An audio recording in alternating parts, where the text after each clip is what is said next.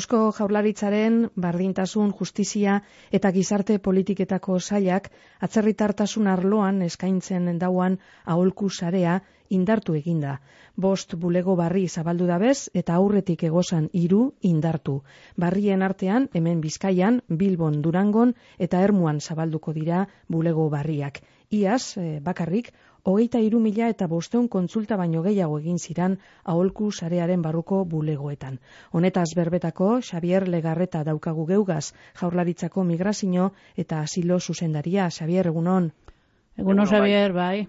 Aholku, bai, aholku sareak guztira hogeita mar bulego daukaz, baina arreta juridikoa eskaintzen dauan zerbitzu hau indartu beharra ikusi dozue. Ba bai, ba bai, da azken hiru urtetan e, indartu indogu batez ere e, ba, bueno, ba, e, kalean dagozan bulegoetan, e, azken hiru urtetan e, beratzi bulego barri ireki doguz, eta datorren e, urtera begira, o, 2008 urtera begira, ba, bueno, beste hiru e, irekiko doguz bizkaian eta eta beste bi gipuzkoan. E, iaz, e, emondako datua aipatu dugu, hogeita iru mila bosteun laro amabi kontsulta egin ziran, e, zemateko kopurua da, Xabier, e, asko dira, aurreko e, urteko datuak azalderatuta, bardin antzean dago?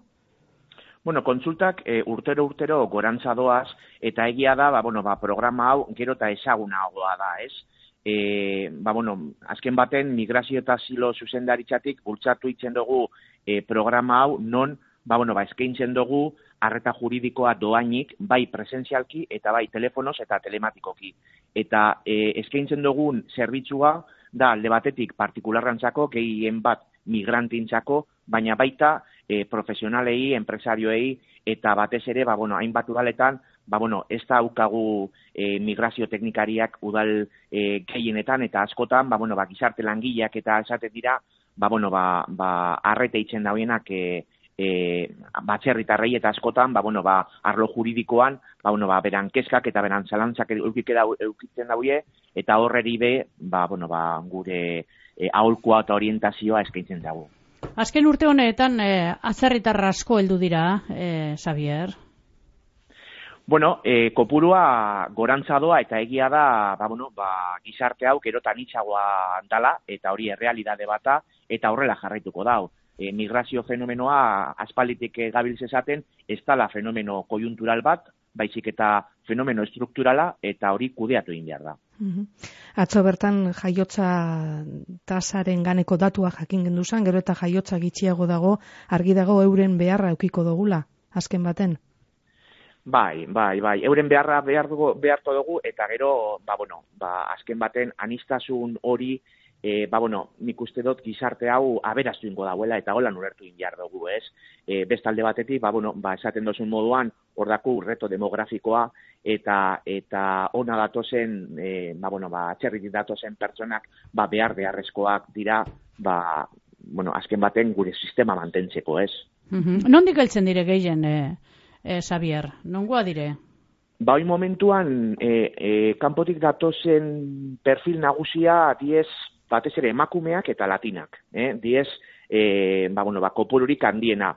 Gero lurraldez lurralde, e, bai aldatzen da, porret, perfila, araban, adibidez, e, ba, bueno, ba, marroeko zetik e, e, datozen e, gizonatiz gehienak, baina Gipuzkoan eta Bizkaian e, diferentziz e, latinoak. Esan dozun modura, e, aholku sarean dagozan bulegoetan alde batetik partikularren kontsultak e, jasotzen dozu ez, zertaz galdetzen dabe batez be? Zer da nahi daubena papelak, gehien bat, sabe? Ba, ba gehien bat, gehien bat, e, ona datozen atxerritarrak, e, euren lehen preokupazioa da, euren egoera irregularra, ba, konpontzea, ez? Eta, eta horti datoz, e, kontsultak gehienak, eh? Mhm bai, bai e, bizileku baimenak, bai lan baimenak, eta gero e, lortzen dauen einean ge, be, gero, ba, barriztu inbidiez horrek baimenak, eta eta horretaz be, ba, bueno, ba, hainbat e, e, kontsulte eukiten dugu. Arlo horretan, e, e, iraupena e, hartu behar da kontuan, ez da? Eskaerea egiten da benetik, erantzuna jasoten da ben e, momentura arte, zema denpora joaten da, gitxi gora bera? Ba, egia da, gaur egun, ba, bueno, ba, naiz eta erramintza barriak martxan jarri diez, ba, horrek prozesuak arintzeko, egia da, ba, e, prozesuak nahiko luzitiez, eta gitxi gora bera hiru urtetan ibiltzen diez, e, ba, purbet e, papel guztiek e, lortu arte ez, hiru urtetan hainbat e, oztopo administratibo gazto patzen diez eta bueno ba aulku sareatik baiten du alegine horrek e, oztopoi ba ba soluzio bat e, topateko. Hor aulku sarea migrazio eta asilo e, zuzendaritzatik bere bai lan egiten dozue Gipuzkoako abogatuen elkargoagaz eta baita e, Bizkaikoakaz eta ez da alkarlanean egiten dozu guztia.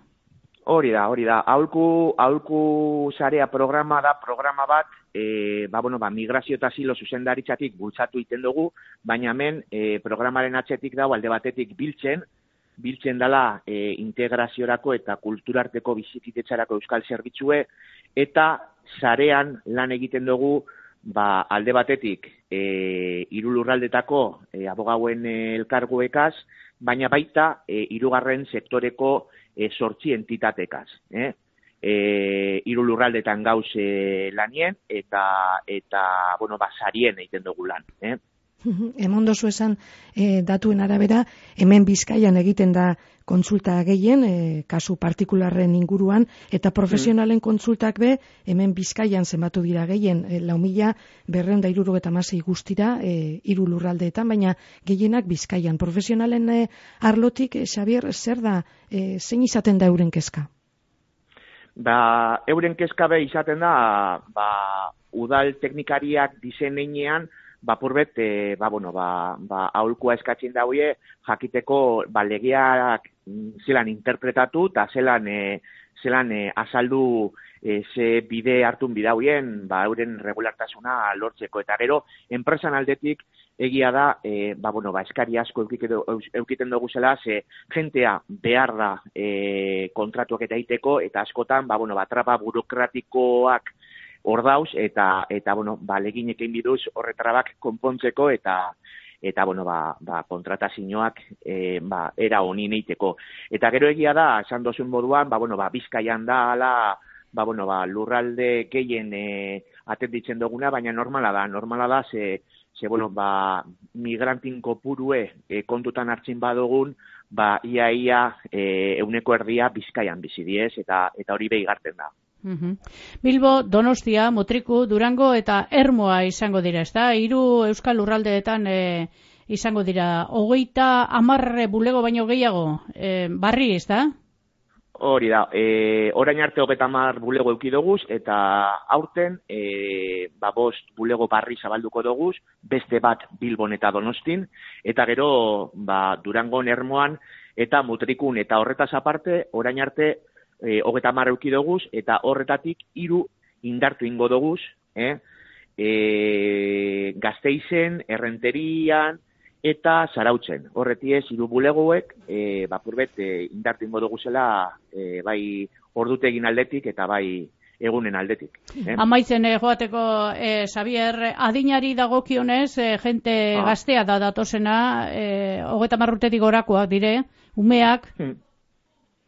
Bai, gehienak diez, ba, ona etortzen dizen perfil berbera. Azken baten, ona datozen migrantin eh, perfile hori da, hori perfile beteten da, ez, hogeta marretik e, berrogeta mar urtera, gehienak dauz, e, ba, bueno, ba, laneko gogugaz, eta eta horti datoz konsultari gehienak, ez.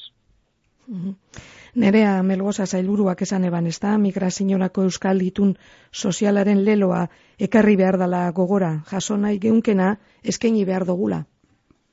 Bai, azken baten hori da e, gure markoa eta eta bueno, ba aspalditik e, ba, bueno, e, garatzen ari gari zen euskal e, harrera eredu hori, ba, bueno, ba, programa hau ba, garatu itzen dau e, e, harrera eredu hori ez, e, guk askotan itzen komentaten dugu, ba, arrerari buruz berbaiten dugunean, arrera ulertu inbiar dela, e, kontzeptu e, zabal batean, ez? Arrera eskaintzea ez da bakarrik e, etxe bizitza bat eskaintzean, baizik eta, ba, bueno, ba, aholku zarea programa mota bat de, e, ba, arrera itxide, arrera itxide hori de bada, eh? Ederto, ba, ba, Xabier Legarreta, eskerrik asko gurean izatearren Ba. eta ondo jarraitu, ondo izan. Ba, eskerrik asko zeueri. Bai, agur. Bai, agur, agur.